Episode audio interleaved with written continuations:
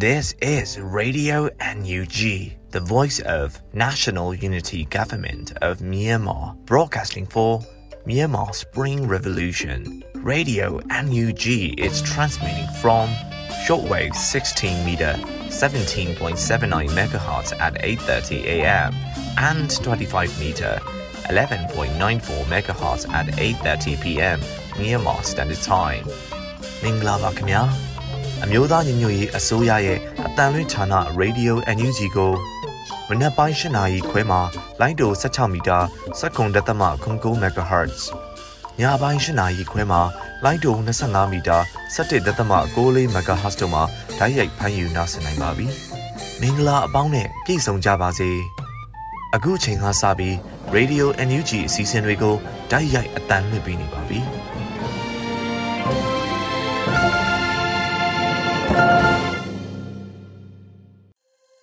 မင်္ဂလာပါခင်ဗျာမင်္ဂလာတရားနဲ့ပြည့်စုံတဲ့ဝါလကင်းလို့တည်င်းကျွတ်အခါသမယဖြစ်ကြပါစေကြောင်းကျွန်တော်တို့ Radio UNG အဖွဲ့သားများမှဆုတောင်းမေတ္တာပို့သပါတယ်အခုချိန်ကစပြီး Radio UNG ရဲ့အော်တိုဘာလ17ရက်မနက်ခင်းစီစဉ်တွေကိုစတင်ပါတော့မယ်ပထမဆုံးအနေနဲ့ကာကွယ်ရေးဝန်ကြီးဌာနရဲ့စစ်ရေးတည်င်းအကျဉ်းချုပ်တွေကိုစောတဲလူနေဖတ်ကြားထားတာနားဆင်ကြရပါမယ်ခင်ဗျာ အမျိုးသားညီညွတ်ရေးဆိုရာကာကွယ်ရေးဝန်ကြီးဌာနမှထုတ်ဝေတဲ့နိုင်စဉ်စီရေးသတင်းအကျဉ်းချုပ်များကိုစတင်တင်ပြပေးပါမယ်။သတင်းများအရစစ်ကောင်စီတပ်သား၈ဦးသေဆုံးပြီး၄ဦးဒဏ်ရာရရှိခဲ့ကြောင်းသတင်းရရှိပါရခင်ဗျာ။စစ်ကောင်စီနဲ့တိုက်ပွဲဖြစ်ပွားမှုများမှာစကိုင်းတိုင်းတွင်အော်တိုဘားလ9ရက်နေ့နေ့လယ်3နာရီခန့်ကကမ်ဘလူမြို့နယ်လဲလှကျေးရွာရှိပြူစောတိစစ်စေးရေးဂိတ်စခန်းကိုဒေသခံကာကွယ်ရေးအဖွဲ့ကလက်နက်ကြီးကြောင်လုံးအပြင်လက်နက်ငယ်များဖြင့်ပစ်ခတ်တိုက်ခိုက်ခဲ့ကြောင်းသတင်းရရှိပါရခင်ဗျာ။ အောက်တိုဘာလ9ရက်နေ့ည9နာရီခန့်ကရင်းမာပင်မြို့နယ်ပန်ပွေးမှရာတွင်အထိုင်ချတပ်ဆွဲထားသောစစ်ကောင်စီတပ်ဖွဲ့ကိုဒေသခံ PDF ပူးပေါင်းတပ်ဖွဲ့ဝင်များမှပစ်ခတ်တိုက်ခိုက်ခဲ့ရာစစ်ကောင်စီတပ်ဖွဲ့မှလည်းအဝေးပစ်လက်နက်ကြီးများဖြင့်ပြန်လည်ပစ်ခတ်တိုက်ခိုက်ခဲ့ပြီးတနအီအကြာအပြန်အလှန်ပစ်ခတ်မှုဖြစ်ပွားခဲ့ကြောင်းသိရရှိပါရခင်ဗျာအောက်တိုဘာလ9ရက်နေ့မနက်10:30ခန်းကမြောင်မြို့နယ်ကြောက်ရရဲစခန်းအနေရှိစစ်ကောင်စီတပ်၏လုံခြုံရေးဂိတ်ကို CDSOM ဂျိုကာကြီးဇက်နှင့် M2W အဖွဲ့မှပူးပေါင်း၍မိုင်းဆွဲတိုက်ခိုက်ခဲ့ကြောင်းသတင်းရရှိပါရခင်ဗျာမန္တလေးတိုင်းတွင် အော်တိုဘာလ10ရက်နေ့မနက်9:00နာရီခန့်ကမဟာအောင်မြေမြို့နယ်လမ်း80 42လမ်းနှင့်42လမ်းကြားခင်စောမှုရက်ကတ်တင်တိုးမြစ်တာနိဗ္ဗာန်ကုံဆိုင်ဖွင့်ထားသည့်စစ်ကောင်စီတရင်ပေးဖြစ်သောပြူစောတီအောင်ဆန်းအား Generation Z Power GZB မန္တလေးမြို့ပြပျောက်ကြားတပ်ဖွဲ့နှင့်မဟာမိတ်မန္တလေး UG Wolf Army တို့မှတနက်ဖြန်ပစ်ခတ်တိုက်ခိုက်ခဲ့ကြောင်းသတင်းရရှိပါရခင်ဗျာ။ အော်တိုဘာလ9ရက်နေ့ညနေပိုင်းကဝမ်းတွင်းမြို့နယ်ရှိမြို့မရဲစခန်းမှာစောနိုင်ဦးခပိုစောရဲအုပ်ယာယီစခန်းမှုနဲ့နေထိန်ကောင်းဆောင်ကားဖြင့်သွားနေစဉ်ပူးတွဲတာဝန်ထမ်းဆောင်နေသူအား Win-Win Township Revolution Force WTF အဖွဲ့မှတနက်ဖြန်6ချက်ပစ်ခတ်ခဲ့ရာနှလုံးခုန်ရက်၍တိုက်ဆုံသွားခဲ့ကြောင်းသတင်းရရှိပါရခင်ဗျာအော်တိုဘာလ9ရက်နေ့ကမရယာမြို့နယ်ကြောက်တရားကျေးရွာနဲ့ Alpha ဘီလက်မီစက်ယုံစစ်စေးရေးဂိတ်ကြားဘဲကြံအနီးတွင်မန္တလေးဘက်မှဆင်းလာသည့် စစ်ကောင်စီကား၃စီးကိုမဟာတော်လှန်ရေးတပ်ဖွဲ့ MRF မှပရိဒါမိုင်း၄လုံးဖြင့်ပစ်ခတ်ဖောက်ခွဲတိုက်ခိုက်ခဲ့သည့်အတွက်စစ်ကောင်စီများထိခိုက်ဒေဆုံးမှုရှိနိုင်ပြီးစစ်ကောင်စီဘက်မှအချက်30ခန့်ဖြင့်ရန်တမ်းပစ်ခတ်ခဲ့ကြောင်းသိရရှိပါရခင်ဗျာ။ပဲခူးတိုင်းတွင်အော်တိုဘာလ9ရက်နေ့ည8နာရီခန့်ကအမြန်လန်းမိုင်နိုင်83ရှိစစ်ကောင်စီဂိတ်စခန်းနှင့် ပြူစောတီများကိုပြည်သူ့ကာကွယ်ရေးအဖွဲ့ပကိုးကပြစ်ခတ်တိုက်ခိုက်ခဲ့ရာစစ်ကောင်စီ9ဦးထပ်မံတေဆုံးခဲ့ပါတယ်။မနက်6:30ခန်းကလည်းရွှေကျင်းပကဖနဲ့ညောင်လေးပင်ပကဖတို့ပူးပေါင်းကပဇွန်မြောင်းကျေးရွာအုပ်စုကံမြင့်ကျေးရွာတွင်တက်ဆွဲထားသောဘုံကြီးကျောင်းသို့ရိတ်ခါနှင့်လူဝင်ရလာပို့သည့်စစ်ကောင်စီကနှစ်စီးကိုမိုင်းဆွဲတိုက်ခိုက်ခဲ့ကြောင်းသတင်းရရှိပါရခင်ဗျာ။တနင်္သာရီတိုင်းတွင်အော်တိုဘာလ9ရက်နေ့နေ့လယ်12:30ခန်းကတနင်္သာရီမြို့နယ်ဘက်မှဗုတ်ပြင်းမြို့နယ်ဘက်သို့ မောင်းနှင်လာသည့်စစ်ကောင်စီထောက်ပို့ကားကြီး9စီးကိုပြည်သူ့ကာကွယ်ရေးတပ်မတော်ကတိုက်ခိုက်ခဲ့ရာစစ်ကောင်စီတပ်သားတအူးစေယုံတွေတိုက်ဆုံပြီး၄ဦးဒဏ်ရာရရှိခဲ့ကြောင်းသတင်းရရှိပါရခင်ဗျာစစ်ကောင်စီကျူးလွန်သောရာဇဝတ်မှုများမှာနေပြည်တော်တွင်အော်တိုဘာလ9ရက်နေ့ကနေပြည်တော်ဇေယျသီရိမြို့နယ်တွင်2020ရွေးကောက်ပွဲကာလမဲယုံမှုလုပ်သူများအားဖမ်းဆီးမိဟု စစ်ကောင်စီဘက်မှဖိအားပေးခြင်းများလှုံ့ဆော်ပြီးနောက်မြို့သားဒီမိုကရေစီအဖွဲ့ချုပ် NLD မြို့နယ်အောင်နိုင်ရေးတွင်ပါဝင်ခဲ့သောဦးမျိုးအားစစ်ကောင်စီတပ်မှဖမ်းဆီးခေါ်ဆောင်သွားခဲ့ကြောင်းသတင်းရရှိပါရခင်ဗျာရန်ကုန်တိုင်းတွင် အော်တိုဘာလ10ရက်နေ့ကစမ်းချောင်းမြို့နယ်ကျွန်းတော်လန်းနှင့်ဘာဝနာလန်းအနီးရှိတိုက်ကိုစစ်ကောင်စီတပ်ဖွဲ့ဝင်များမှအရက်ဝတ်အိမ်စည်းကားများဖြင့်လာရောက်ဖမ်းဆီးရာအမျိုးသား၄ဦးနှင့်အမျိုးသမီး2ဦးတို့ကိုအထုပ်နှစ်ထုပ်တို့နှင့်အတူဖမ်းဆီးသွားခဲ့ကြောင်းသတင်းရရှိပါရခင်ဗျာ အောက်တိုဘာလ10ရက်နေ့မနက်၄နာရီခန့်ကကော်မှုမြို့နယ်မှာအမျိုးသား2ဦးနှင့်အမျိုးသမီး2ဦးကိုစစ်ကောင်စီတပ်ဖွဲ့ဝင်များမှဖမ်းဆီးခဲ့ကြောင်းသတင်းရရှိပါရခင်ဗျာယခုဖော်ပြပါသတင်းများကိုမြေပြင်သတင်းတာဝန်ခံများနဲ့သတင်းဌာနများမှဖော်ပြလာသောအချက်လက်များပေါ်တွင်အခြေခံပြုစုထားခြင်းဖြစ်ပါတယ်ကျွန်တော်စောတဲလူနေပါ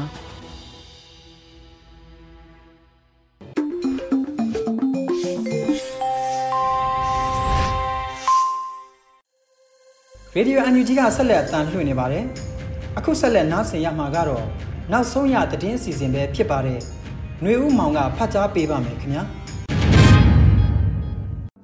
မင်္ဂလာပါခင်ဗျာ။ယခုချိန်ကစပြီး Radio NUG မနက်ခင်းသတင်းများကိုဖတ်ကြားတင်ပြပေးပါတော့မယ်။ယခုတင်ပြပေးမယ့်သတင်းတွေကတော့ Radio NUG သတင်းတာဝန်ခံတွေနဲ့ခိုင်လုံသောမိဖက်သတင်းရင်းမြစ်တွေမှာအခြေခံထားတာဖြစ်ပါတယ်။ကျွန်တော်ကတော့ຫນွေဦးမှာပါခင်ဗျာ။ မနက်ခင်းသတင်းများကိုတင်ဆက်ပေးပါတော့မယ်။ပထမဦးဆုံးသတင်းအနေနဲ့အကြမ်းဖက်စစ်တပ်ဟာရန်သူကိုအတွင်းရန်နဲ့အပြင်ရန်သတ်မှတ်ပြီးဗျူဟာချမှတ်ထားတယ်လို့ဒုဝန်ကြီးမော်ထွန်းအောင်ကဆိုကြားခဲ့တဲ့သတင်းပဲဖြစ်ပါတယ်။အကြမ်းဖက်စစ်တပ်ဟာရန်သူကိုအတွင်းရန်နဲ့အပြင်ရန်သတ်မှတ်ပြီးဗျူဟာချမှတ်ထားတယ်လို့ဒုဝန်ကြီးမော်ထွန်းအောင်ကဆိုပါတယ်။အော်တိုဘာလအတွင်းမှာအကြမ်းဖက်စစ်တပ်နဲ့ပတ်သက်လို့ဒုဝန်ကြီးမော်ထွန်းအောင်ကလူမှုကွန်ရက်မှာရေးသားပြောကြားခဲ့ပါတယ်။ အကြမ်းဖက်စစ်တပ်စဉ်းစားပုံကရှင်းပါတယ်။ရန်သူကိုအတွင်းရန်အပြင်ရန်သတ်မှတ်ပြီး view ဟာချထားပါတယ်။ institutional strategy ဖြစ်လို့ဘယ်သူတက်တက်အဲ့ဒါကိုကင်ဆွဲပါတယ်။အုပ်ချုပ်ရေးဘက်ရောက်ရင်လဲဟိုအရင်ဥနုခေတ်ကနိုင်ငံခြားအတိုင်းပင်ခံနေတန်နဲ့ဆွဲထားတဲ့အစာအုပ်အထူးကြီးကိုလက်ကင်ထားပြီးဖွံ့ဖြိုးရေးစီမံကိန်းတွေလုပ်တယ်လို့ဆိုပါတယ်။အကြမ်းဖက်စစ်တပ်ဟာ2021ခုနှစ်ဖေဖော်ဝါရီလရက်နေ့မှာနိုင်ငံတော်အာဏာကိုမတရားသိမ်းယူခဲ့ပါတယ်။ လက်ရှိမှာ CRPH အဖွဲ့ဝင်နဲ့အမျိုးသားညီညွတ်ရေးအစိုးရကိုမျက်ကွယ်ပြစ်ဒဏ်များချမှတ်ထားပြီးလူသသောင်းကျော်ကိုအကျဉ်းထောင်များမှာဖမ်းဆီးထားပါတယ်ခင်ဗျာဆက်လက်ပြီးຫນွေဦးတော်လန်ရေးဟာဘယ်တော့မှနောက်ဆုတ်မသွားခဲ့ဘူးလို့ကာကွယ်ရေးဝန်ကြီးဌာနအတွင်းဝန်နိုင်ထူးအောင်ကပြောကြားခဲ့တဲ့သတင်းကိုတင်ပြပေးပါမယ်။ຫນွေဦးတော်လန်ရေးဟာဘယ်တော့မှနောက်ဆုတ်မသွားခဲ့ဘူးလို့ကာကွယ်ရေးဝန်ကြီးဌာနအတွင်းဝန်နိုင်ထူးအောင်ပြောကြားလိုက်ပါတယ်။အော်တိုဘာလအတွင်းသတင်းဌာနတစ်ခုနဲ့မေးမြန်းရမှာ ကာကွယ်ရေးဝန်ကြီးဌာနအတွင်းဝင်နိုင်ထူအောင်ကဆိုခဲ့ပါတယ်။ဒီဒေါ်လာရေးကိုအမြန်ဆုံးအဆုံးသတ်ခြင်းနဲ့ဆိုတာပြည်သူအလုံးရဲ့ဆန္ဒပါ။တနစ်ကြာသွားတဲ့အခါဒေါ်လာရေးအပြည့်မတတ်နိုင်မှုတွေဖြစ်သွားတဲ့အခါမှာလည်းအားမလို့အားမရမှုတွေရှိနေနိုင်တယ်ဆိုတာလည်းသဘာဝကျပါတယ်။ဒါပေမဲ့တနစ်တာကာလကိုပြန်ကြည့်မယ်ဆိုရင်ကျွန်တော်တို့ရဲ့ဒေါ်လာရေးဟာဘယ်တော့မှနောက်ဆုံးမသွားခဲ့ပါဘူး။ရှေ့လျှောက်တိုးတက်ဖို့ပဲရှိပါတယ်လို့ဆိုပါတယ်။ 2021ခုနှစ်စက်တင်ဘာ9ရက်နေ့မှာအမျိုးသားညီညွတ်ရေးအစိုးရဟာပြည်သူ့ခုခံတွန်းလှန်စစ်များစတင်မှုကြေညာခဲ့ပါတယ်။လက်ရှိမှာပြည်သူ့ခုခံစစ်တစ်နှစ်တာကာလအတွင်းအကြမ်းဖက်စစ်တပ်ကတပ်ဖွဲ့ဝင်2589ဦးကြာဆုံးခဲ့ပါတယ်ခင်ဗျာ။ဆက်လက်ပြီးတင်ဆက်ပေးမယ့်သတင်းကတော့ထိုင်းနိုင်ငံမှာစစ်ကောင်စီရဲ့ငြိမ်းချမ်းရေးပွဲစားများရောက်ရှိနေတဲ့အကြောင်းပဲဖြစ်ပါတယ်။ထိုင်းနိုင်ငံမှာစစ်ကောင်စီရဲ့ငြိမ်းချမ်းရေးပွဲစားများရောက်ရှိနေတယ်လို့ခိုင်လုံတဲ့သတင်းများအရစုံစမ်းသတင်းရရှိပါတယ်။၎ င်းတို့ဟာရှမ်းတိုင်းရင်းသားလက်နက်ကိုင်အဖွဲ့နဲ့စစ်ကောင်စီတို့တွေ့ဆုံဆွေးနွေးနိုင်ရန်ရောက်ရှိနေခြင်းဖြစ်တယ်လို့လည်းသတင်းရရှိပါတယ်။ဟိုးအရင်တုန်းကတော့ရှင်းမိုင်ကိုချိန်ကြတယ်။အဲ့ဒီဘက်တွေ့ကြတယ်။အခုတော့ဘန်ကောက်မှာတွေ့မလားမဲဆောက်မှာတွေ့မလားမသိသေးဘူး။စစ်အုပ်စုရဲ့ငြိမ်းချမ်းရေးပွဲစားတွေကတော့ရောက်နေတာမှန်ပါတယ်လို့ဘန်ကောက်ရောက်ရှိနေတဲ့နိုင်ငံရေးလေးလာသုံးသက်သူအမည်မဖော်လို့သူတူကပြောပါတယ်။အကြမ်းဖက်စစ်ကောင်ဆောင်ဟာဒိုင်းရင်သားဒေါ်လန်ရေးအင်အားစုနဲ့ပြည်လည်မှုကိုအရေးတကြီးလိုအပ်နေပြီး ရွေးကောက်ပွဲမတိုင်းမီငင်းချမ်းရေးသဘောတူလက်မှတ်ထိုးနိုင်ဖို့လဲပြင်ဆင်နေတယ်လို့သတင်းရရှိပါတယ်ခင်ဗျာဆက်လက်ပြီးဟာခါမျိုးမှရဲစခန်းတွင်ဒါဝန်ထမ်းဆောင်နေသောရဲတပ်သားတအူတနက်နှစ်လက်နှင့်အတူလာရောက်ပူးပေါင်း၍ CDS စန်တန်းမှစုချင်းငွေသိန်း100ကျပ်တိတိကိုချီးမြှင့်ပေးရခဲ့တဲ့တဲ့တင်အားတင်ပြပေးပါမယ်။ ချင်းပြည်နယ်ဟာခါမြို့မှရဲစခန်းတွင်တာဝန်ထမ်းဆောင်နေသောရဲတပ်သားတအူတနက်နှစ်လက်နှင့်အတူလာရောက်ပူးပေါင်း၍ CDF စံတန်းမှစုချင်းငွေသိန်း100ကျပ်တိတိကိုချီးမြှင့်ပေးအပ်ခဲ့တယ်လို့သတင်းရရှိပါတယ်။အောက်တိုဘာ10ရက်နေ့မှာ CDF စံတန်းကအသိပေးဆိုပါတယ်။အောက်တိုဘာလ10ရက်နေ့တွင်ချင်းပြည်နယ်ဟာခါမြို့တော်မြို့မှရဲစခန်းတွင်တာဝန်ထမ်းဆောင်နေသောရဲဘော်မောင်နီမန်သည်ပြည်သူရင်ခွင်သို့ EA63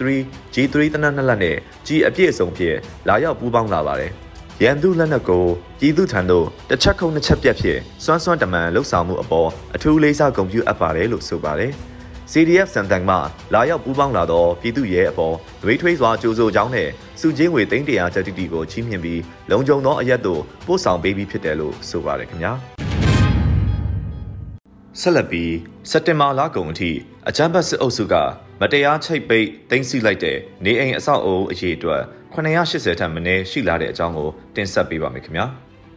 စက်တင်ဘာလကုန်အထိအကြမ်းဖက်စစ်အုပ်စုကမတရားချိတ်ပိတ်တင်စီလိုက်တဲ့နေအိမ်အဆောက်အဦအရေးအတွက်980ထက်မနည်းရှိလာတယ်လို့သတင်းရရှိပါတယ်။အောက်တိုဘာ10ရက်နေ့မှာနိုင်ငံရေးအကျဉ်းသားများကူညီဆောက်ရှောက်ရေးအသင်း AAPP မှအသိပေးဆိုပါတယ်။2022ခုနှစ်လက်လန်းမီသမျှမှတ်တမ်းပြုစုထားချက်အရ အာနာသိန်းချိန်မှ2022ခုနှစ်စက်တင်ဘာလကုန်အထိအကြံပတ်စစ်အုပ်စု၏မတရားချိတ်ပိတ်တင်ဆက်ခြင်းခံရသည့်နေအိမ်အဆောက်အဦအရှိအတွက်စုစုပေါင်း980ထက်မနည်းရှိခဲ့တယ်လို့ဆိုပါတယ်။လက်ရှိမှာအဖွဲ့ချုပ်လွှတ်တော်ကိုယ်စားလှယ်119ဦးအပါအဝင်ပါတီဝင်224ဦးတို့၏နေအိမ်များနှင့်ပိုင်ဆိုင်မှုများကိုအကြောင်းအမျိုးမျိုးပြဝရန်ကတ်ချိတ်ပိတ်လိမ့်စီးနေမှုများကျူးလွန်ခံနေရတယ်လို့အမျိုးသားဒီမိုကရေစီအဖွဲ့ချုပ်ပါတီဗဟိုအလုပ်ကော်မတီကဖော်ပြထားပါတယ်ခင်ဗျာ ဆက်လက်ပြီးဗိုလ်ချုပ်အောင်တွင်ငိမ့်နဲ့တမတ်တို့၏လက်ကင်ဖုန်းများကို IUF မှတင်စီကဩစတြေးလျနိုင်ငံ IT ပညာရှင်များ၏အကူအညီဖြင့်ဖုန်းအတွင်းအချက်လက်များရရှိခဲ့တဲ့တဲ့တင်ကိုတင်ဆက်ပေးပါမယ်။ဗိုလ်ချုပ်အောင်တင်ငိမ့်နဲ့တမတ်တို့၏လက်ကင်ဖုန်းများကို IUF မှသိမ်းဆည်းကဩစတြေးလျနိုင်ငံ IT ပညာရှင်များ၏အကူအညီဖြင့်ဖုန်းအတွင်းအချက်အလက်များရရှိခဲ့တယ်လို့သတင်းရရှိပါတယ်။အောက်တိုဘာ10ရက်နေ့မှာ IUF အဖွဲ့ကတရားဝင်အသိပေးဖော်ပြခဲ့ပါတယ်။ စက်တင်ဘာလ24ရက်နေ့တွင်အောင်မြင်စွာအကောင့်ထဲဖော်ခဲ့သောစစ်ကောင်စီထောက်တိုင်ဖြစ်သည့်ဗိုလ်ချုပ်ဟောင်းဟာရှင်းလင်းရာတွင်၎င်းနှင့်တမတ်ဖြစ်သူတို့၏လက်ကင်ဖုန်းများအား IUF အဖွဲ့သားများမှတင်စီရယူခဲ့ပါတယ်။ထိုလက်ကင်ဖုန်းများအားဩစတြေးလျနိုင်ငံသို့လုံခြုံစွာပို့ဆောင်ခဲ့ပြီး IT ပညာရှင်များ၏အကူအညီဖြင့်ဖုန်းအတွင်းမှအချက်အလက်များလျှို့ဝှက်သတင်းများထိုသူတို့နှင့်ဆက်ဆံနေသောစစ်ကောင်စီခေါင်းဆောင်ပိုင်းမှတာဝန်ရှိသူများစစ်တပ်ထောက်တိုင်များ၏အချက်အလက်များကိုရယူပြီးဖြစ်ပါတယ်လို့ဆိုပါတယ်။ ထိုအချက်လက်များကိုတပ်ဆိုင်ရာအဖွဲ့အစည်းများထံဖြန့်ဝေသွားမည်ဖြစ်ပြီးလိုအပ်သောမစ်ရှင်များကိုလည်းဆက်လက်အကောင့်ထဲပေါ်သွားမှာဖြစ်တယ်လို့ IUF အဖွဲ့ကဆိုပါတယ်ခင်ဗျာ။နောက်ဆုံးသတင်းအနေနဲ့ပလဲမြို့နယ်အမတီရှိရွာတွင်တပ်ဆွဲထားသောစစ်ကောင်စီတပ်နှင့်ပြူစောထီးများကိုကာကွယ်ရေးတပ်ဖွဲ့များပူးပေါင်း၍လက်နက်ကြီးများနဲ့ပစ်ခတ်တိုက်ခိုက်ခဲ့တဲ့တဲ့တင်ကိုတင်ဆက်ပေးပါမယ်။ စကိုင်းတိုင်းပလဲမြို့နယ်အမတီရှိရွာတွင်တပ်ဆွဲထားသောစစ်ကောင်စီတပ်နှင့်ပြူစောထီးများကိုကာကွယ်ရေးတပ်ဖွဲ့များပူးပေါင်း၍လက်နက်ကြီးများနဲ့ပစ်ခတ်တိုက်ခိုက်ခဲ့ပါတယ်။အော်တိုဘာ10ရက်စကိုင်းတိုင်းဒေသကြီးပလဲမြို့နယ်အင်မတီကျေးရွာတွင်တပ်ဆွဲထားသောပြူနဲ့စစ်ကောင်စီတပ်များကိုပြစ်ခတ်တိုက်ခိုက်ခဲ့တယ်လို့မြေလက်ဒေသပျောက်ကြားတပ်ဖွဲ့ MRG ကဆိုပါတယ်။အော်တိုဘာ10ရက်နေ့ပလဲမြို့နယ်အင်မတီကျေးရွာတွင်တပ်ဆွဲထားသောပြူဒလန်များနဲ့စစ်ကောင်စီတပ်များအား ညာမြို့နယ်အတွင်းရှိဒေသခံမဟာမိတ်ကာကွယ်ရေးပူးပေါင်းတပ်များနဲ့ကျွန်ုပ်တို့မြေလက်ဒေသပျောက်ကြားတပ်ဖွဲ့ MRG တို့ပူးပေါင်း၍40မမ80မမ100မမလက်နက်ကြီးများဖြင့်တွားရောက်ပစ်ခတ်တိုက်ခိုက်ခဲ့ကြပါတယ်လို့ဆိုပါတယ်။တိုက်ပွဲမှာမဟာမိတ်တပ်ပေါင်းစုများမှအထိခိုက်မရှိပြန်လည်ဆုတ်ခွာနိုင်ခဲ့ပါတယ်။စစ်ကောင်စီတပ်အသေးအပြောက်များစင်းအားစုံစမ်းအတည်ပြုနေဆဲဖြစ်တယ်လို့သတင်းရရှိပါတယ်ခင်ဗျာ။ယခုတင်ဆက်ပေးခဲ့တဲ့သတင်းတွေကိုတော့ Radio NUG သတင်းတောက်မင်းမင်းကပေးပို့ထားတာဖြစ်ပါတယ်။ ယခုတင်ဆက်ပေးခဲ့တာကတော့ Radio NUG မနက်ခင်းပြည်တွင်သတင်းများပဲဖြစ်ပါတယ်။ယခုတင်ပြပေးခဲ့တဲ့သတင်းတွေကိုတော့ Radio NUG သတင်းတာဝန်ခံတွေနဲ့ခိုင်လုံသောမိဖက်သတင်းရင်းမြစ်တွေမှာအခြေခံထားတာဖြစ်ပါတယ်။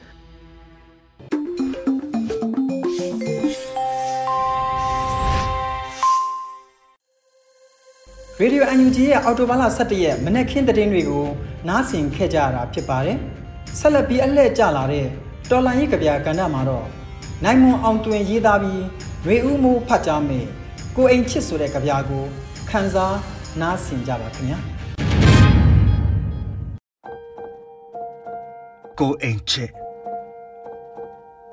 လမ်းတွေဘလို့ကောက်ကွေးအိမ်စီကိုတော့ဖြောင်းနေတာပဲ။နတ်တွေဝှက်ထားလို့မရတဲ့ပင်လေစัจ java လာတယ်ငါဟာ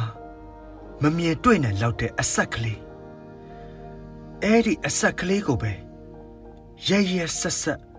လွမ်းနေကြတဲ့သူတွေရှိရာငါတို့အိမ်ငါပြန်ခဲ့မယ်နှစ်တန်းတစ်ထောင်ကြာလဲ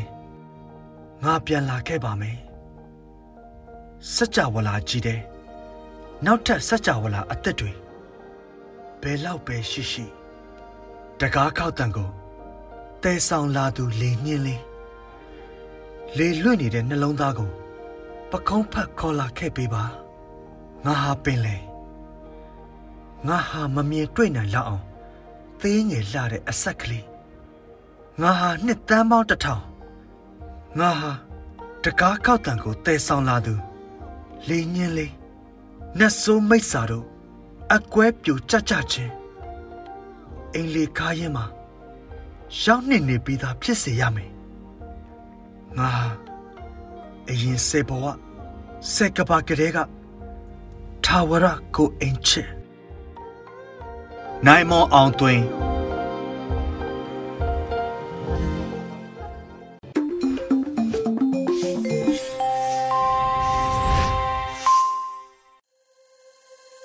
ရေဒီယို UNG ကဆက်လက်တန်လှည့်နေပါတယ်ဆက်လက်ပြီးပြည်သူခုခံစစ်တည်င်းများကိုຫນွေဦးလင်းကဖတ်ကြားပေးပါဦးမယ်နားဆင်ကြပါခင်ဗျာပထမဦးစွာ မရိယာတွင်စစ်ကား၃စီးမိုင်းခွဲခံရပြီးစစ်သားထိခိုက်ဒေဆုံးမှုများပြားတဲ့သတင်းကိုတင်ဆက်ပါမယ်။မန္တလေးတိုင်းမရိယာမြို့နယ်တွင်နယ်မြေရှင်းလင်းရေးလှုပ်ဆောင်လာသည့်အကြမ်းဖက်စစ်တပ်မှစစ်ကား၃စီးမိုင်းဆွဲတိုက်ခိုက်ခံရပြီးတိုက်ခိုက်ဒေဆုံးမှုများရှိကြောင်းမဟာတော်လိုင်းတပ်ဖွဲ့မှသိရပါတယ်။အော်တိုဘာလ9ရက်နေ့ကစစ်ကား၃စီးသည်ကြောက်တရားရွာနှင့် Air for ဘီလမြေဆက်ယုံစစ်စီးရေးဂိတ်ကြားဘဲချံနီးတွင်မရိယာဘက်မှမန္တလေးဘက်သို့မောင်းနှင်လာစဉ် မဟာတော်လိုင်းတပ်ဖွဲ့ကပရိသာမိုင်းလေးလုံးဖြင့်ဖောက်ခွဲတိုက်ခိုက်ခဲ့ကြောင်းစစ်သားများထိခိုက်ဒေဆုံးမှုရှိတော်လဲအရေးအတွက်ကိုအတိမပြုတ်နိုင်သေးကြောင်းစစ်တပ်ကရန်တမ်းပစ်ခတ်မှုများလှုပ်ဆောင်ခဲ့ကြောင်းမဟာတော်လိုင်းတပ်ဖွဲ့ကသတင်းထုတ်ပြန်ထားပါတယ်။ဆက်လက်ပြီးမြောက်ဦးနယ်မောင်းတော်တွေရခိုင်တပ်တော်နဲ့အကြမ်းဖက်စစ်တပ်တိုက်ပွဲပြင်းထန်နေတဲ့သတင်းကိုဆက်လက်တင်ဆက်ပါမယ်။ရခိုင်ပြည်နယ်မြောက်ဦးတွင် စစ်ကောင်စီတပ်နဲ့ရခိုင်တပ်တော်တို့အပြန်အလှန်ပစ်ခတ်မှုဖြစ်ပြီးယနေ့နံနက်ပိုင်းမောင်းတော်တွင်လည်းတိုက်ပွဲပြင်းထန်ပြီးစစ်တပ်ဘက်အထိနာနေကြောင်းရခိုင်ဒေသသတင်းရင်းမြစ်များနဲ့ဒေသခံများထံမှသိရှိရပါတယ်။ရခိုင်ပြည်နယ်မောင်းတော်မြို့နယ်လက်ရနေချားဆောင်စခန်းတွင် AA နှင့်စစ်ကောင်စီတပ်များတိုက်ပွဲအပြန်အလှန်ဖြစ်ပွားခဲ့ပြီးတိုက်ပွဲပြင်းထန်ကြောင်းစစ်ကောင်စီတပ်စခန်းကို AA ကတင်ပိုက်လိုက်သည်ဟုသတင်းများထွက်နေကြောင်းဒေသခံတွေကဆိုပါတယ်။ စစ်ကောင်စီရဲ့မုံမျိုးဝင်ဂိတ်တရားအပြစ်ကတ်ခမ်းတဲ့သတင်းကိုဆက်လက်တင်ဆက်ပါမယ်။ပဲခူးတိုင်းကြောက်ကြီးမြို့နယ်မုံမျိုးဝင်မုံချောင်းတရားထိပ်ရှိစစ်တပ်တပ်ဆွဲထားသောနေရာ၌ယနေ့နေ့ပိုင်းတွင်ပြစ်ခတ်တိုက်ခိုက်မှုများဖြစ်ပွားခဲ့ကြောင်းဒေသခံများကဆိုပါတယ်။အကြံဖတ်စစ်တပ်တပ်ဆွဲထားသောမုံမျိုးဝင်တရားဂိတ်ကို KNU တပ်မဟာ3နဲ့ပူးပေါင်းအဖွဲ့တို့ကယနေ့အော်တိုဘာလ10ရက်နေ့နနက်ပိုင်းတွင်ဝင်ရောက်ပြစ်ခတ်တိုက်ခတ်ခဲ့ခြင်းဖြစ်ပြီး မုံမြို့အဝင်အထွက်ဂိတ်ကိုအကြမ်းဖက်စစ်တပ်ကပိတ်ထားကပြစ်ခတ်မှု15မိနစ်ခန့်ကြာမြင့်ခဲ့ပြီးထိခိုက်ဒေဆုံးမှုအခြေအနေကိုအတိမပြုတ်နိုင်သေးကြောင်းဒေသခံများထံမှသိရပါဗျ။နောက်ဆုံးအနေနဲ့ကချင်ပြည်နယ်စော့လုံမှာ KI နဲ့စကားဆာလက်အောက်ခံပြည်သူစစ်တွေတိုက်ပွဲဖြစ်တဲ့သတင်းကိုတင်ဆက်ပါမယ်။ကချင်ပြည်နယ်စော့လုံမြို့နယ်တွင်နေကြားဆောင်တပ်နဲ့စစ်ကောင်စီတပ်တို့၏လက်နက်ခဲယမ်းများတဲဆောင်လာသောကားကိုစော့လုံမြို့နယ် ကြီးရှင်ကြီးရွာနီးတွင်ဂျမနီအော်တိုဘာ9ရက်နေ့တွင် KI ကတိုက်ခိုက်၍လက်နက်ခဲယမ်းများသိမ်းယူနိုင်ခဲ့ကြောင်းအဆိုပါတိုက်ခိုက်မှုတွင်စစ်ကောင်စီတပ်နှင့်နေကြားဆောင်ဘက်မှတေဆုံးမှုရှိကြောင်းကချင်သတင်းရင်းမြစ်ကချင် watch ထံမှသိရှိရပါတယ်ခင်ဗျာ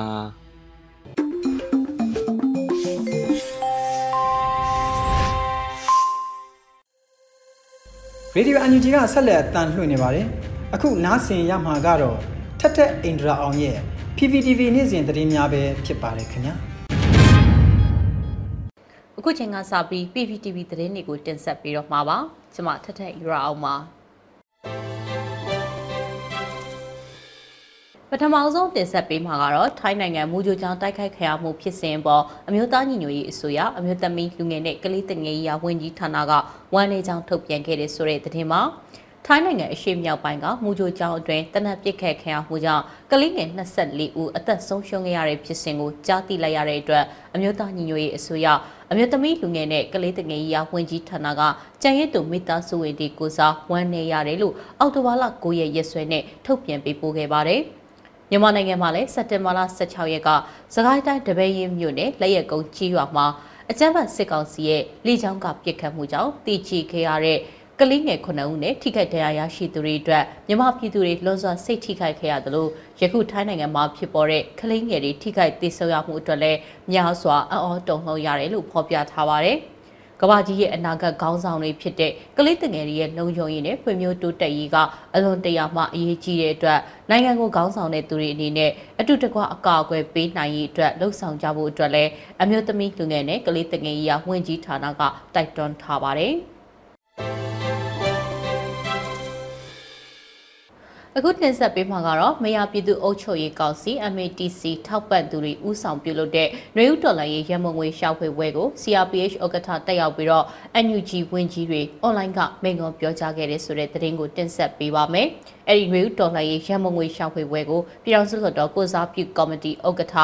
ဦးအောင်ကြည်ညွတ်တက်ရောက်ခဲ့တယ်လို့အမျိုးသားညီညွတ်ရေးအစိုးရပြည်ထောင်စုဝန်ကြီးတွေဖြစ်ကြတဲ့ဒေါက်တာဇော်ဝေဆိုနော်ဆူဇနာလှလှဆို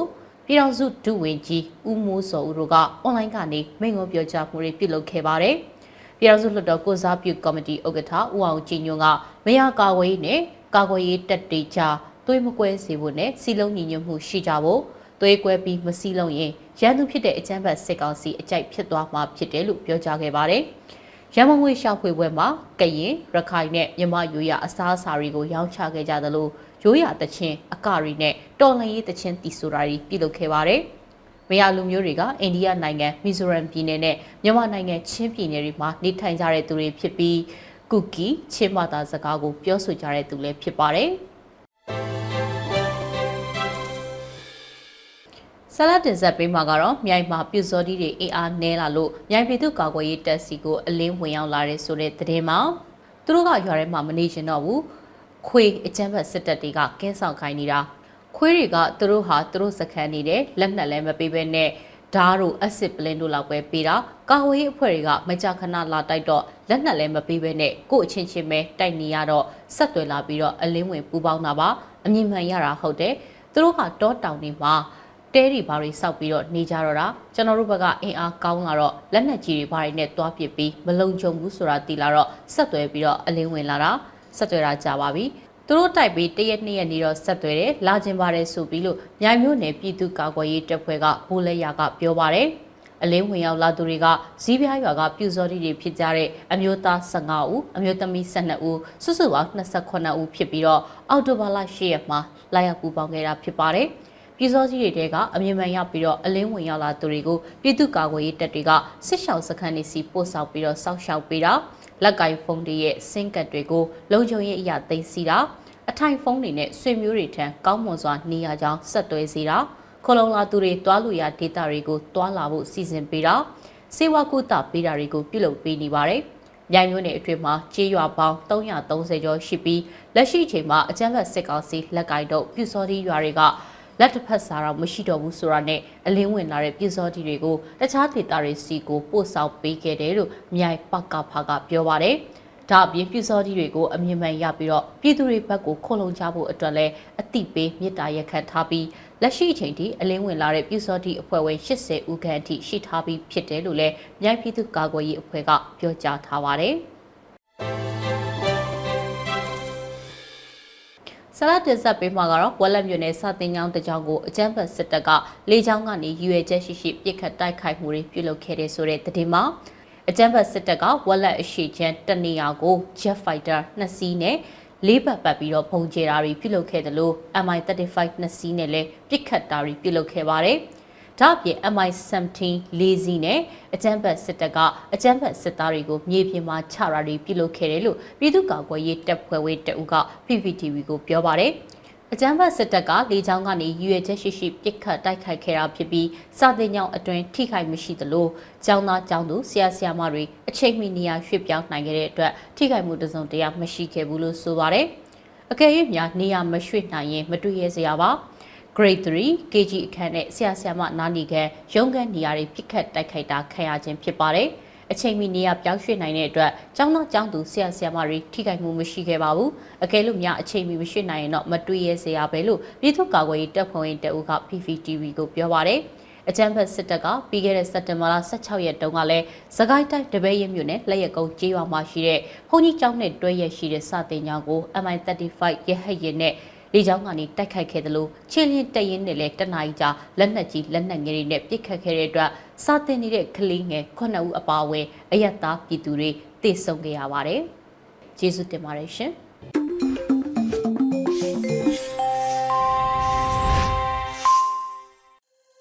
Radio UNG ရဲ့တေးဂီတအစီအစဉ်ကိုအလှည့်ရောက်လို့လာပါပြီ။တေးရဲ89တေးဆို63ရဲ့ခိုင်မာတဲ့တန်ိတ်ထန်းဆိုတဲ့တော်လိုင်းတေးတဲ့ဘုတ်ကို ထုတ်လွှင့်ပေးပါမယ်။ကျွန်တော်ကတော့အစီအစဉ်တင်ဆက်သူလွတ်လပ်နှွေဦးပဲဖြစ်ပါတယ်ခင်ဗျာ။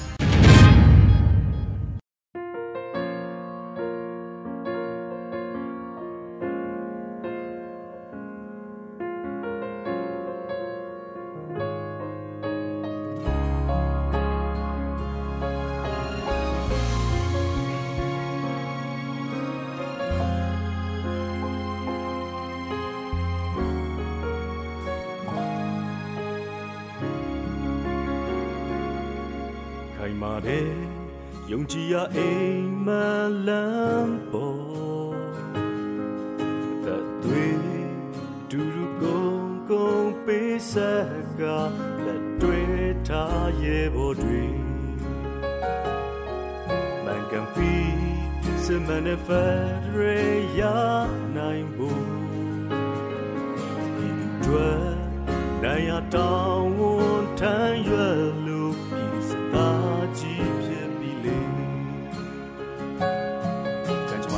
နှာမပေးတော့လေရှေ့ဆက်တူမှာပဲ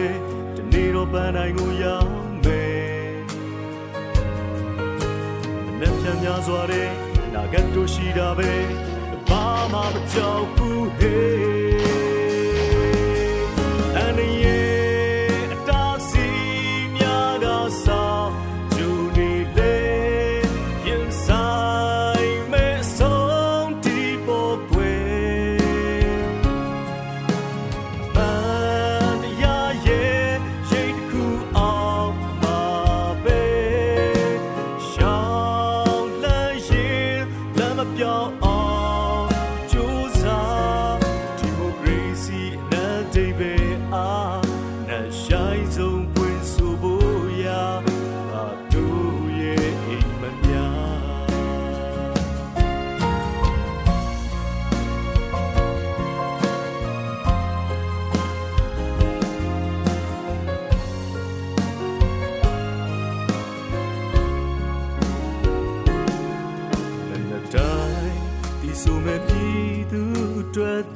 စ္စာတာယာတဲ့တော်တောင်ရဲ့ရှိမြေအလားပါစိတ်နှလုံးတဲ့စီဝင်စေတမပီတာစိတ်တွေနဲ့တူတူရှေးဆက်မယ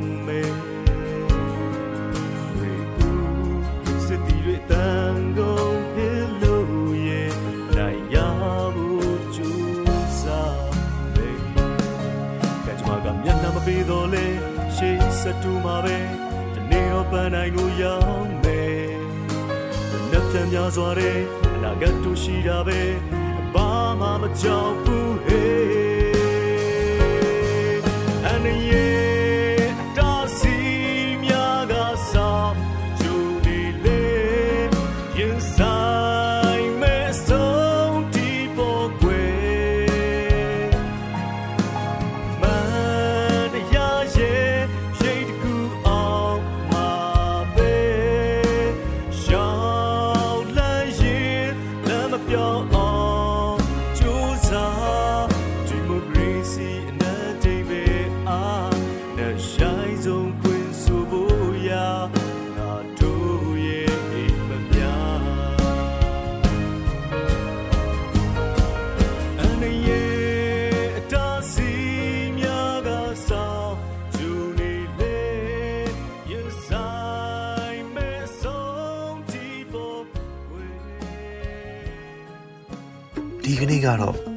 ဒီညနေပဲ Radio NUG ရဲ့အစည်းအဝေးကိုခਿੱတရနာလိုက်ပါမယ်မြန်မာစံတော်ချိန်မနက်၈နာရီခွဲနဲ့ည၈နာရီခွဲအချိန်တွေမှာပြန်လည်ဆုံးဖြတ်ကြပါစို့ Radio NUG ကိုမနက်ပိုင်း၈နာရီခွဲမှာလိုင်းဒို16မီတာစက္ကန့်တသမ9 MHz ညပိုင်း၈နာရီခွဲမှာလိုင်းဒို25မီတာ17တသမ6 MHz တို့မှာဓာတ်ရိုက်ဖမ်းယူနားဆင်နိုင်ပါပြီမြန်မာနိုင်ငံသူနိုင်ငံသားများကိုယ်စိတ်နှပြကျန်းမာချမ်းသာလို့ဘေးကင်းလုံခြုံကြပါစေလို့ Radio NUG အဖွဲ့သူအဖွဲ့သားများကဆုတောင်းလိုက်ရပါတယ်။အမျိုးသားညီညွတ်ရေးအစိုးရရဲ့စက်သွယ်ရေးသတင်းအချက်အလက်နဲ့ဤပညာဝန်ကြီးဌာနကထုတ်လွှင့်နေတဲ့ Radio NUG ဖြစ်ပါတယ်။ San Francisco Bay Area အခြေစိုက်မြန်မာမိသားစုများနဲ့နိုင်ငံတကာကစေတနာရှင်များလှုပ်အားပေးများရဲ့ Radio NUG ဖြစ်ပါတယ်